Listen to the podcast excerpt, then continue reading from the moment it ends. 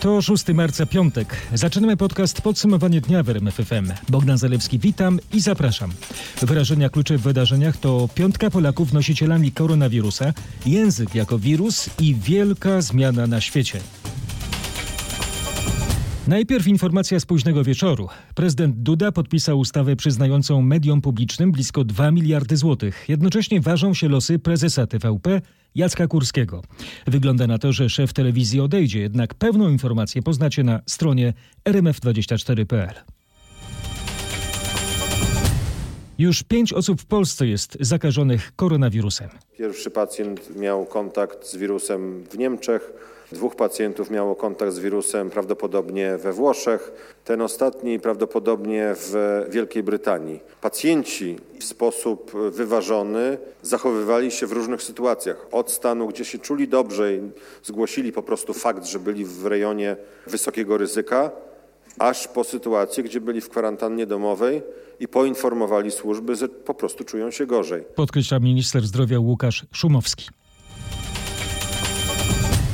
Obecność koronawirusa wykryto m.in. u 43-latki, która przebywa w szpitalu w Ostrudzie w Warmińsko-Mazurskiem. Kobieta podróżowała autobusem z Niemiec i siedziała niedaleko mężczyzny, u którego wcześniej wykryto tego wirusa. Pacjentka generalnie trafiła do nas z, bez objawów. Została skierowana mm, przez służby sanitarne, stacji sanitarno-epidemiologicznej z kontaktu z autokaru.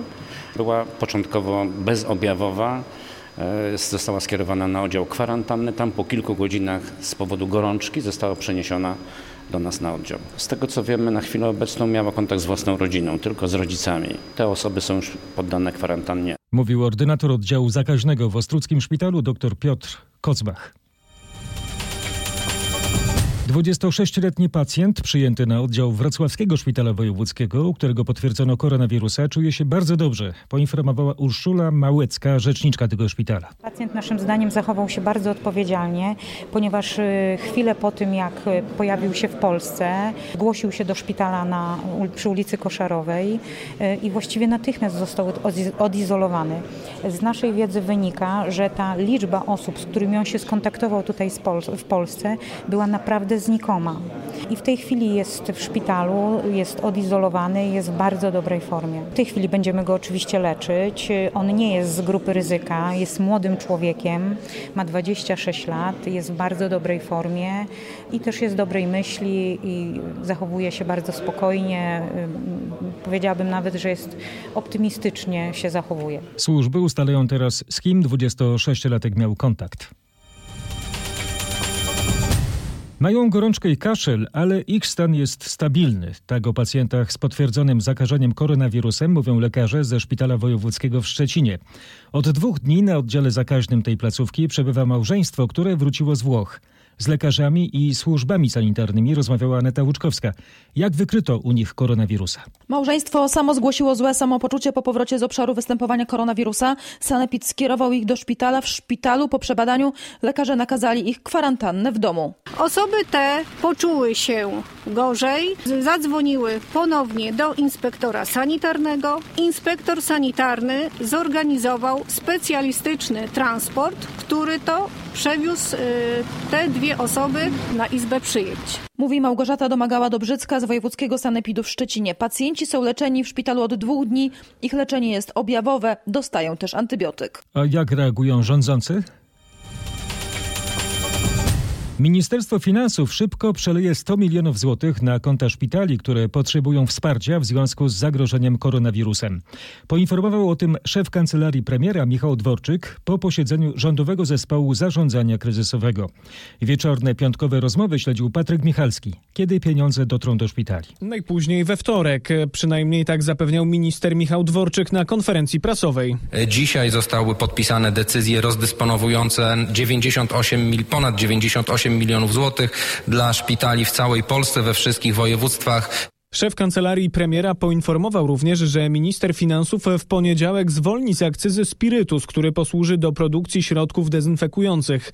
Do wtorku minister rozwoju ma przygotować propozycję wsparcia branży turystycznej i transportowej w związku z trudniejszą sytuacją dla tych gałęzi, a Ministerstwo Zdrowia uruchomi specjalną infolinię dla lekarzy. W związku z wieloma pytaniami lekarzy, y, w szczególności dotyczących tych procedur, które zostały przesłane do podmiotów leczniczych, będzie uruchomiona specjalna infolinia. Ten specjalny numer niebawem zostanie udostępniony i będzie do dyspozycji przez 24 godziny, mówił wiceminister zdrowia Janusz Cieszyński. W piątek zapadła istotna decyzja na Wiejskiej.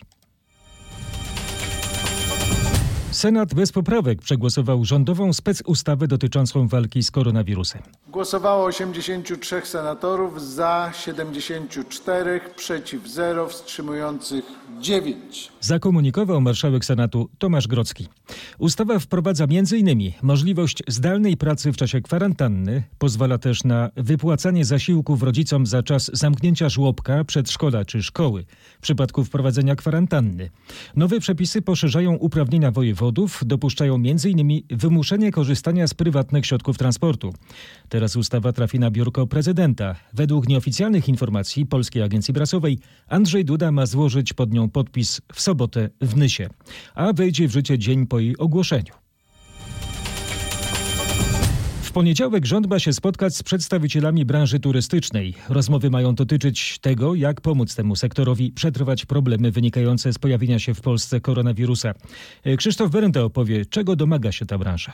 Na przykład zastrzyku finansowego, także tanich kredytów oraz zmian w prawie. Część biur podróży chce, żeby Turystyczny Fundusz Gwarancyjny zaczął finansowo pomagać biurom w kłopotach. Rząd odpowiada, że to jest na razie niemożliwe, bo fundusz jest zarezerwowany na ratowanie klientów. Inne biura proszą o tanie kredyty. Taka oferta jest. Mają Państwowy Bank Gospodarstwa Krajowego. Szerszej oferty na razie nie będzie. Poza tym turoperatorzy e, proszą o doprecyzowanie przepisów dotyczących rezygnowania przez klientów z wyjazdów w kryzysowych sytuacjach. Rząd odpowiada, że ograniczanie praw podróżnych w tym momencie jest niedopuszczalne. A jaki konkretnie wpływ będzie miał koronawirus na polską branżę turystyczną? Zastanówmy się. Sprawdźmy na przykładzie.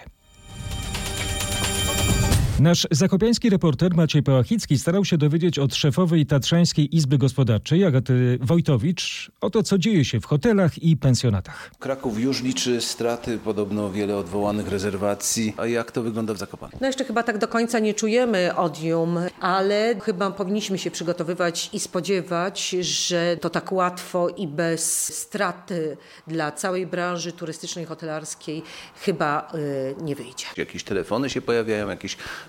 próby odwołania rezerwacji, czy na razie jest e, jeszcze spokojnie? To znaczy tak, bardzo ostrożnie wszyscy podchodzą do tego. Ci, co zarezerwowali, dopytują, czy w jakikolwiek sposób będzie można jednak albo zrezygnować z tego przyjazdu lub go przesunąć na inny termin. Natomiast widzimy, że jest jakieś też powstrzymanie w rezerwacjach, czyli wszyscy czekają, jak ta sytuacja się rozwinie. Mocno zainteresowani tematem są oczywiście górale, którzy wynajmują turystom kwatery. Tym bardziej, że przed nami Wielkanoc, kiedy jest bardzo dużo rezerwacji. Jak wygląda wyglądają one w tym roku? Nasz reporter pytał Dariusza Galicę, który zajmuje się internetowym wynajmem pokoi.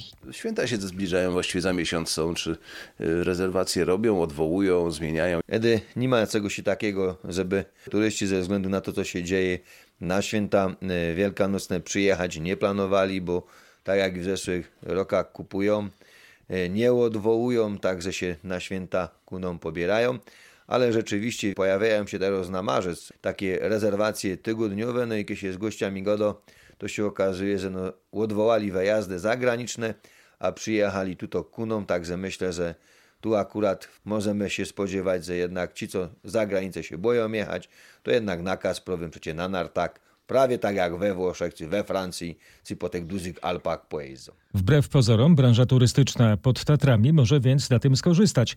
Czy to samo obserwują zawiadujący hotelami? Maciej Pachicki pytał Karolinę Sobańską i Wojciecha Budzowskiego. Zauważacie jakieś takie nerwowe zachowania klientów w związku z, z tym, co się dzieje z y, epidemią? Nie, jeżeli chodzi o święta, to anulacje właściwie nie, prędzej rezerwacje, jeżeli chodzi o ten okres. Bardziej nerwowych zachowań, jakichś takich reakcji, anulacji też nie zauważamy. Jakby ilość anulacji, które się zdarzają, nie, nie odbiega od normy, która jest i zawsze, zawsze parę rezerwacji jest anulowanych. Natomiast na pewno da się też odnotować dodatkowe rezerwacje związane ze zmianą kierunków wyjazdów naszych gości, bo czasami na przykład nasi mm, goście sygnalizują, że nie jadą, nie chcą jechać gdzieś dalej, w, dalej do Europy mm, i na przykład zamieniają swoje destynacje na polskie, na przykład na Zakopane. E, rzeczywiście pewną ostrożność możemy obserwować, ale tutaj bardziej mowa o klientach korporacyjnych, klientach firmowych, konferencjach, zjazdach, kongresach. Tutaj rzeczywiście pojawiają się pytania związane z ewentualnymi przesunięciami tych grup, czy rezerwacjami właśnie na jakieś inne, inne terminy. Segment indywidualny zachowuje się na razie spokojnie, jakichś oznak paniki i histerii nie widzimy. Paniki nie widać także u organizatorów imprez kulturalnych pod Tatrami. Szefowa Zakopiańskiego Centrum Kultury Beata Majcher przedstawiła kalendarz wiosennych atrakcji. Czy jest jakieś zagrożenie czy niepokój, że może pokrzyżować plany tych imprez? Dbamy o to, o co możemy. Jak Państwo widzicie, w przestrzeniach naszych instytucji dostępne są wszelkie środki dezynfekujące. My też zwiększyliśmy tutaj pracę, żeby żeby po prostu było bezpieczniej. Natomiast powiem troszkę tak z przymrużeniem oka, że może właśnie ten y, duch y, zakopiański, to nasze podejście z energią spowoduje to, że nawet jeżeli ten wirus tutaj dotrze, to nasza wysoka odporność spowodowana tą, tym bogactwem spowoduje to, że po prostu nawet nie zauważyliśmy, że go przejdziemy. No nie chcę żartować, ale zła nie jest góralska herbatka. Podpisałem przystąpienie Polski do mechanizmu wspólnej dystrybucji środków ochrony osobistej z nakierowaniem na moment, gdy dostaniemy leki lub szczepionki, mówił w Brukseli po spotkaniu unijnych ministrów zdrowia Łukasz Szumowski. Na dzień dzisiejszy wiemy, że jeżeli pojawi się szczepionka na koronawirusa, to mm, mechanizm wspólnej dystrybucji zabezpieczy Polskę w równym dostępie, tak jak inne kraje. A nie obawia się pan, że, że już, ponieważ nie weźmiemy już udziału w tym przetargu, który został już rozpisany na te środki ochrony osobistej, że może zabraknąć u nas? E, znaczy do tej pory nie ma wyników tego mm, przetargu. Ponadto y, kilka krajów w ogóle nie przystąpiło do niego i my od dzisiaj już możemy e, do tej kolejnej tury, gdzie pewnie będzie kolejna tura mm, dla tych krajów, które nie przystąpiły, możemy uczestniczyć w tym przetargu. Z ministrem zdrowia rozmawiała w Brukseli nasza korespondentka Katarzyna Szymańska-Borgino. Rada Unii Europejskiej w Brukseli została częściowo sparaliżowana z powodu drugiego już przypadku koronawirusa. To urzędnik Rady, który zajmował się sprawami migracji. Ambasador Chorwacji przy Unii Europejskiej Irena Andrasy została poddana dwutygodniowej kwarantannie, bo miała kontakt z osobą zarażoną. Nasza brukselska korespondentka dopytywała, co z polskimi dyplomatami. Trwa sprawdzanie, ale na razie nie ma polskich dyplomatów, którzy mieli ostatnio kontakt z zarażoną osobą. Polski ambasador przy Unii, Andrzej Sadoś, miał natomiast jeszcze wczoraj kontakt z chorwacką ambasador, która jest poddana kwarantannie. W takiej sytuacji ambasador Sadoś ma się obserwować i sprawdzać temperaturę. Ambasador powiedział mi, że polscy dyplomaci, którzy nie muszą być w przedstawicielstwie, będą mogli pracować z domu. Przyznał, że w Radzie Unii nastąpił częściowy paraliż paraliż prac w związku z kwarantanną chorwackiej ambasador. Dzisiejsze spotkanie ambasadorów zostało przerwane, gdy ambasador dowiedziała się, że musi się poddać kwarantannie. W Unii Europejskiej pracują nad szczepionką. Intensywnie. Wiemy to z pewnego źródła. Wprowadzenie szczepionki przeciwko koronawirusowi w ciągu roku byłoby rekordowym wynikiem, mówi w RMFFM dr Mariola Fotin-Mleczek, kierująca w laboratorium firmy CureVac w Tybindze, zespołem pracującym nad nowatorską szczepionką. A rozmawiał z nią Grzegorz Jasiński. Jaki jest najbardziej optymistyczny scenariusz? Wszystko zależy od wyników. Na kolejnych etapach trwają badania na zwierzętach. W czerwcu, lipcu ma szansę rozpocząć się pierwszy etap testów na ludziach. Po sprawdzeniu, że szczepionka jest bezpieczna, będzie można przejść do etapu drugiego badania skuteczności. Potrzebny jest dużo dobrej woli, też e, dużo zrozumienia, dużo współpracy, żeby ten proces przyspieszyć, ponieważ w przypadku, że tak powiem, e, normalnych e, szczepionek, które są tworzone w normalnym trybie, taki proces dopuszczania szczepionki na rynek e, trwa wiele lat. Deklaracje różnych instytucji o pełnej współpracy są. To ma być szczepionka inna niż tradycyjne. Nie podaje się samego wirusa, nawet osłabionego, nie podaje się konkretnego białka wirusa, podaje się fragment RNA. Przepis na stworzenie tego białka organizm sam je potem produkuje i sam ma zbudować przeciw niemu odporność. Zachęcam do zapoznania się z całą rozmową Grzegorza Jasińskiego na rmf24.pl. Bardzo niepokojące sygnały napłynęły ze Światowej Organizacji Zdrowia. Oto co powiedział czołowy ekspert WHO do spraw sytuacji nadzwyczajnych, dr Mike Ryan, zakomunikował to podczas konferencji prasowej w Genewie. Musimy założyć, że koronawirus nadal będzie się rozprzestrzeniał. Wiara w to, że po prostu zniknie latem, tak jak grypa, jest fałszywą nadzieją. To byłby dar niebios, gdyby tak się stało, jednak nie możemy przyjąć takiego założenia. W tej chwili nie ma dowodów na to, że tak będzie. Musimy więc teraz walczyć z koronawirusem, a nie żyć w nadziei, że sam zniknie. Zwróciłem uwagę na inną symptomatyczną wypowiedź doktora Mike'a Ryana, eksperta WHO. To smutne dla ludzi, którzy chorują, ale o wiele lepiej zrozumiemy skalę problemu, jeśli rekomendujemy państwom bardziej agresywny i ukierunkowany nadzór. Mamy nadzieję, że w ten sposób wejdą w życie dodatkowe środki kontroli, które mogą pomóc w cofnięciu się wirusa. Przyznaje dr Mike Ryan, ekspert Światowej Organizacji Zdrowia. Niezwykle intrygującą teorię stworzył sławny amerykański pisarz William Seward Burroughs, który zmarł w 1997 roku. Autor Nagiego Lunchu postawił śmiałą hipotezę, która teraz w dobie memów i hybrydowej wojny informacyjnej przestała być wizją rodem z literatury science fiction. Zacytuję fragment książki Burroughsa. W mojej rewolucji elektronicznej rozwijam teorię, że wirus jest bardzo małą jednostką słowa i obrazu. Zasugerowałem, że takie jednostki słów i obrazów można biologicznie aktywować, aby działały tak jak zakaźne szczepy wirusów. Oto dowody na to, że nasz język komunikacji, ten słowny i ten obrazkowy, jest rodzajem koronawirusa. Zebrałem kilka najnowszych informacji na potwierdzenie tej tezy. Słowo przeciwko słowu w sprawie koronawirusa we Francji. Ogromne emocje nad Sekwaną budzi tajny dokument francuskiego rządu, opublikowany w sieci przez opozycję. Jak donosi nasz korespondent w Paryżu, Marek Gładysz, raport dotyczy specjalnych działań planowanych w związku z epidemią. Plotka zaraża.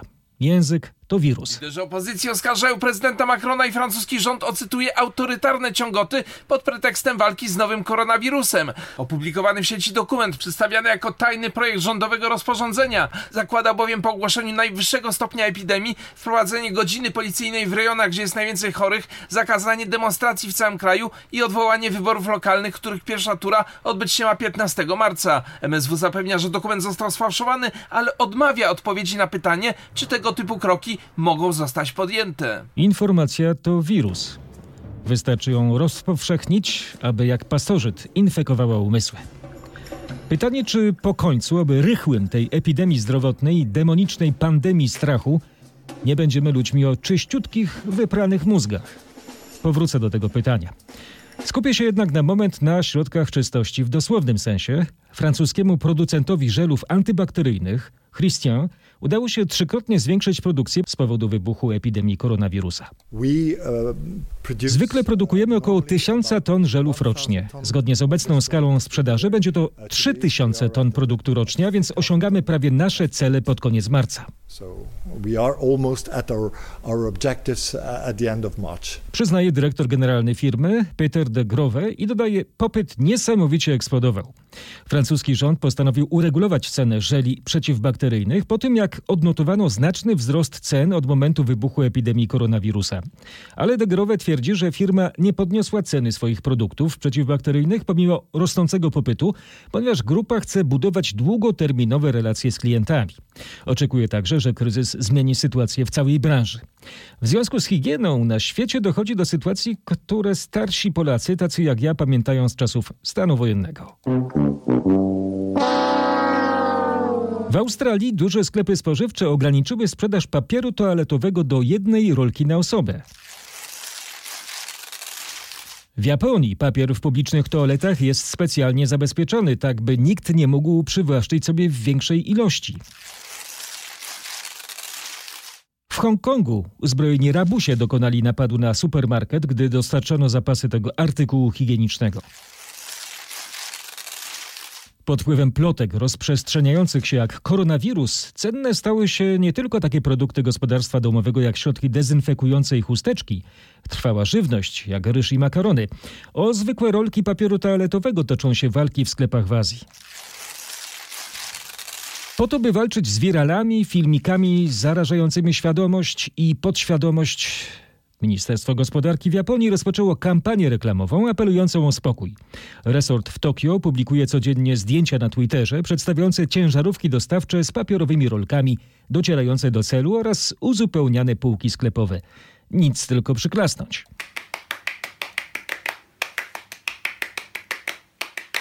Profesorowie Roland Buftne i Lim Sun Sun z Singapuru podkreślili, że to media społecznościowe odegrały największą rolę w rozpalaniu lęku związanego z załamaniem dostaw papieru toaletowego. Wieści rozprzestrzeniły się jak pożar. Tak opisali tę panikę. A ja powtórzę diagnozę genialnego amerykańskiego pisarza Williama Sewarda Barrowsa. Język to wirus. Virus, virus, virus, virus, virus. Być może po koronawirusie świat już nie będzie taki sam. Coraz więcej jest sugestii, że trzeba zrezygnować z gotówki. Powód banknoty i monety przyczyniają się do rozprzestrzeniania się wirusów. Wniosek należy korzystać z płatności zbliżeniowych. A co z pieniędzmi papierowymi? Posłuchajcie Michała Zielińskiego, dziennikarza z redakcji ekonomicznej, co się dzieje w USA. Od dwóch tygodni dolary przekazywane z Azji są poddawane kwarantannie. Rezerwa Federalna, czyli amerykański bank centralny, przyznaje, że banknoty przywożone, przesyłane do Stanów Zjednoczonych leżą przez nawet 10 dni, zanim przekazywane są do obiegu.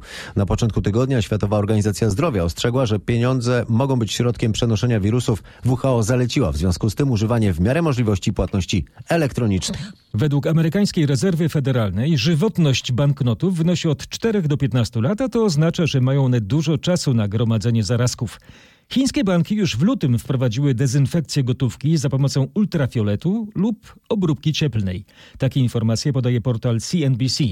Symptomatyczna informacja nadeszła z Iranu. Być może to już końcowe chwile tak zwanego tradycyjnego pieniądza. Już zaczęło się ostatnie odliczanie. W związku z pandemią koronawirusa w Iranie minister zdrowia tego kraju zalecił obywatelom, aby unikali używania papierowych pieniędzy. Wprost nie powiedział, by korzystali z walut cyfrowych. Rząd w Teheranie pozostawił tę kwestię otwartą dla interpretacji. Jednak bitcoiny i inne kryptowaluty świetnie się sprawdzają w trudnych czasach.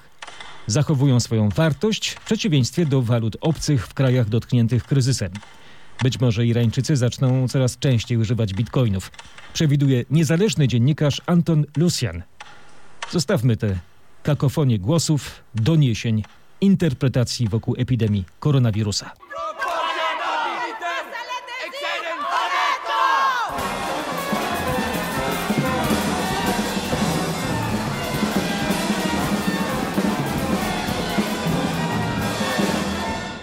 Uporządkujemy fakty z kraju. Między innymi fragment odzieży zabezpieczyli do badań policjanci prowadzący przeszukania na terenie ogródków działkowych w Sopocie. Te działania miały związek z zaginięciem Iwony Wieczorek, której los pozostaje tajemnicą już od prawie 10 lat. W czwartek na zlecenie prokuratury krajowej Policjanci prowadzili przeszukania na działkach, które do tej pory nie zostały dokładnie sprawdzone. O stanie śledztwa Kuba Kauga. Nie ma oczywiście pewności, czy zabezpieczony fragment odzieży ma jakikolwiek związek ze sprawą i nie można mówić o przełomie, jednak nie można też tego wykluczać. Według moich nieoficjalnych ustaleń znaleziony został fragment bielizny zabezpieczonego w zbiorniku wodnym obok działki, na której Iwona Wieczorek była ze znajomymi przed pójściem na imprezę w Sopockim Klubie, po wyjściu z którego zaginęła. Według moich informacji stan tego materiału jest na tyle zły, że będą będą potrzebne specjalistyczne badania. Policja sprawdzała wczoraj różne działki w obrębie ogródków. Osoba w białym kombinezonie pobierała jakieś materiały do badań. Wypompowywana była także woda ze wspomnianego zbiornika. Policja nie chce zdradzać żadnych szczegółów, podobnie prokuratura krajowa. Od jej rzecznik Ewy Bialik usłyszałem, że ze względu na dobro całego postępowania prokuratura nie będzie na razie udzielała żadnych informacji. A teraz o brutalnym morderstwie w miejscowości Brzydowo koło Ostrudy w Warmińsko-Mazurskiem. Około siódmej rano do jednego z domów wtargnął 28-latek i nożem zaatakował 43-latkę i jej 20-letnią córkę. Starsza z kobiet zginęła na miejscu. Nasz reporter Piotr Błakowski dowiadywał się o stan zdrowia 20-latki. Jak się dowiedziałem, dziewczyna ma ranę kłutą klatki piersiowej. Została też raniona w udo. Helikopterem lotniczego pogotowia ratunkowego została przetransportowana do szpitala. Jej stan jest bardzo ciężki. E, wiadomo, że 28-latek po wtargnięciu do domu zaatakował najpierw młotkiem i nożem 43-latkę. E, policja szybko pojawiła się na miejscu miejscu i po krótkim pościgu zatrzymała mężczyznę. Według moich nieoficjalnych informacji 28-latek jest pijany e, i dopiero jak wytrzeźwieje zostanie przesłuchany. Podcast i protest. Samorządowcy i mieszkańcy z powiatu olkuskiego w Małopolsce są oburzeni i nie zgadzają się na zaproponowane przez rząd warianty przebiegu nowych tras kolejowych do centralnego portu komunikacyjnego. Ich zdaniem spowoduje to wyburzenie wielu zabudowań i negatywnie wpłynie na przyrodę. Sprawę od strony społecznej naświetli nasz reporter Marek Wiosło. Jak mówią mieszkańcy, zaproponowane trzy warianty przebiegu trasy są dla nich zupełnie nie do przyjęcia. Lokalni samorządowcy apelują o zmiany wariantów i sami proponują nowe. Inwestycja miałaby też przeciąć pustynię błędowską. Może mieć to nieodwracalny wpływ na przyrodę, mówi Ada Słodkowska-Łabuzek z Regionalnej Dyrekcji Ochrony Środowiska w Krakowie. Do nas oficjalnie nie wpłynęły jeszcze żadne wnioski, natomiast rzeczywiście wiemy o tym, że są takie plany i przebieg tych linii kolejowych poprowadzony jest przez tereny cenne przyrodnicze. One są na przykład wielkoobszarowe, ale są takie miejsca, które bezwzględnie powinny być omijane. Konsultacje w sprawie nowych połączeń potrwają jeszcze do 10 marca, jak twierdzą przedstawiciele spółki odpowiedzialnej za budowę CPK. Zaproponowane warianty to na razie propozycje, mogą mu ulec zmianie i właśnie po to organizowane są konsultacje społeczne. No i taka właśnie jest odpowiedź strony rządowej. To tylko propozycje w kilku wariantach, mówi o przebiegu linii kolejowych prowadzących do Centralnego Portu Komunikacyjnego rządowy pełnomocnik do spraw jego budowy. Nie będziemy nikogo uszczęśliwiać na siłę, obiecuje Marcin Chorała. Grzegorz Kwolyk rozmawiał z pełnomocnikiem rządu. Marcin Horała obiecuje, że rząd weźmie pod uwagę wszystkie uwagi zgłoszone w konsultacjach internetowych, a w miejscowościach, gdzie dochodzi do protestów, zorganizuje spotkania. Z drugiej strony przyznaje, że od samorządowych planów zagospodarowania ważniejsze są plany przygotowywane przez rząd. To jednak najpierw korytarze strategiczne, korytarze transportowe, wielowariantowe analizy i do tego muszą być dopinane po konsultacjach oczywiście plany lokalne. Część protestów to zdaniem rządowego pełnomocnika efekt nieporozumienia. Tak ma być na przykład z Mikołowem na Śląsku. Linia nie będzie biegła przez teren Śląskiego Ogrodu Botanicznego, zapewnia Marcin Chorała. Polonia Warszawa ma nowego Francuski biznesmen Grégoire Nito kupił pakiet kontrolny akcji. To doskonała wiadomość dla klubu, który ma ogromne problemy finansowe. Paweł Pawłowski z redakcji sportowej opowie, jak teraz będzie wyglądało ratowanie Polonii. Do zadłużonego na półtora miliona złotych klubu wpłynęły już pierwsze środki na bieżące wydatki i zaległe wynagrodzenia piłkarzy, którzy zdecydowali się pozostać w Polonii. Przypomnę, że drużyna zajmuje przedostatnie miejsce w tabeli trzeciej ligi. Dziś Grégoire Nito ma spotkać się również z prezydentem Warszawy Rafałem Trzaskowskim oraz z zarządem klubu i piłkarzami, by ustalić dalszy plan działań.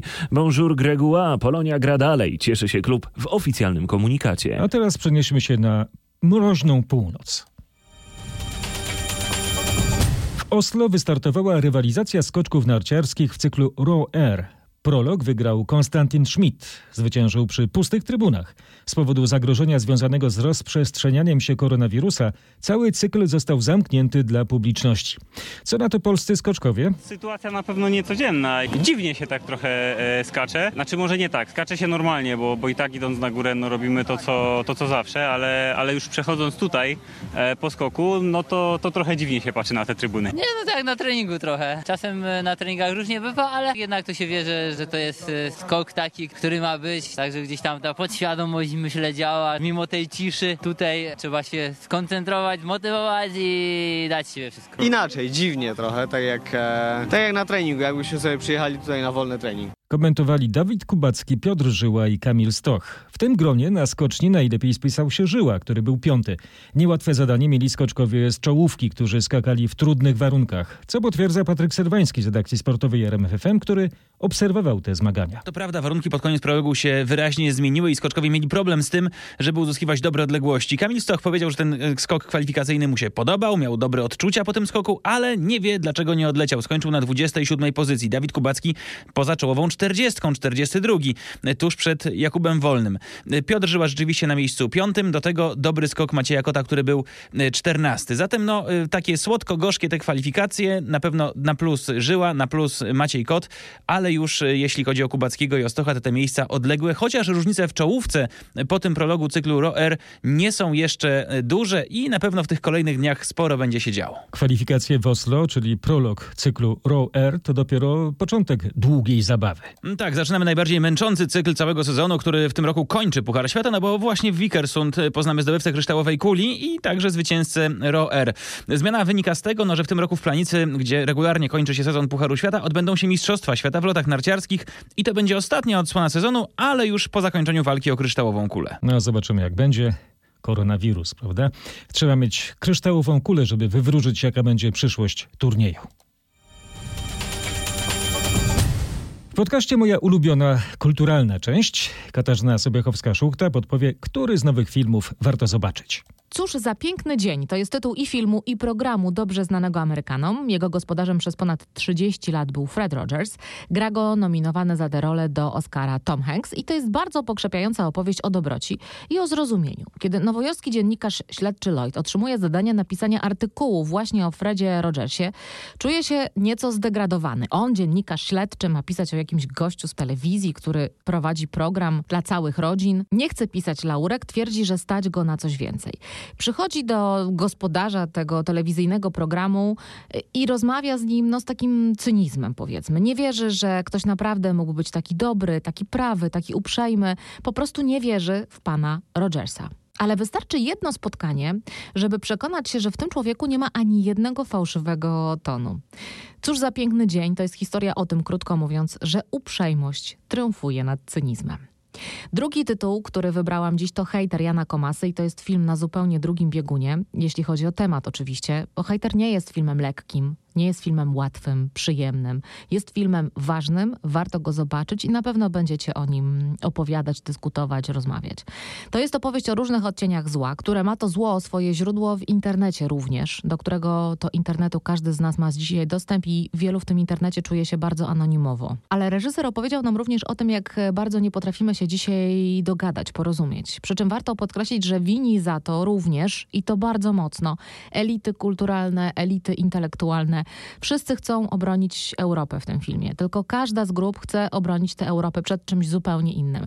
Jedni krzyczą śmierć wrogom ojczyzny, stop islamowi, drudzy mówią o tych pierwszych, że to śmieci i bydło, a wszystkich łączy słowo hejt. Żyjemy w takich czasach, że po prostu te słowa do nas dochodzą bezpośrednio dzięki internetowi. Chciałem zawsze zrobić e, o tym film, Jurek Kapuściński, producent y, Sali Samobójców, wpadł na taki pomysł, by film się po prostu nazywał Hater. Resztę dopisałem ja, a potem pojawił się Mateusz Pacewicz.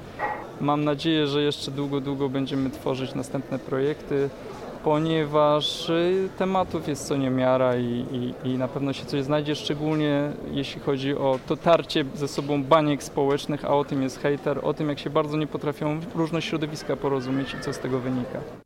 O swoim nowym filmie opowiadał reżyser Jan Komasa. Sala Samobójców Hater to weekendowa nowość w kinach. Wśród premier jest też animacja Naprzód w oryginalnej wersji głosów braciom, elfom użyczają Chris Pratt i Tom Holland.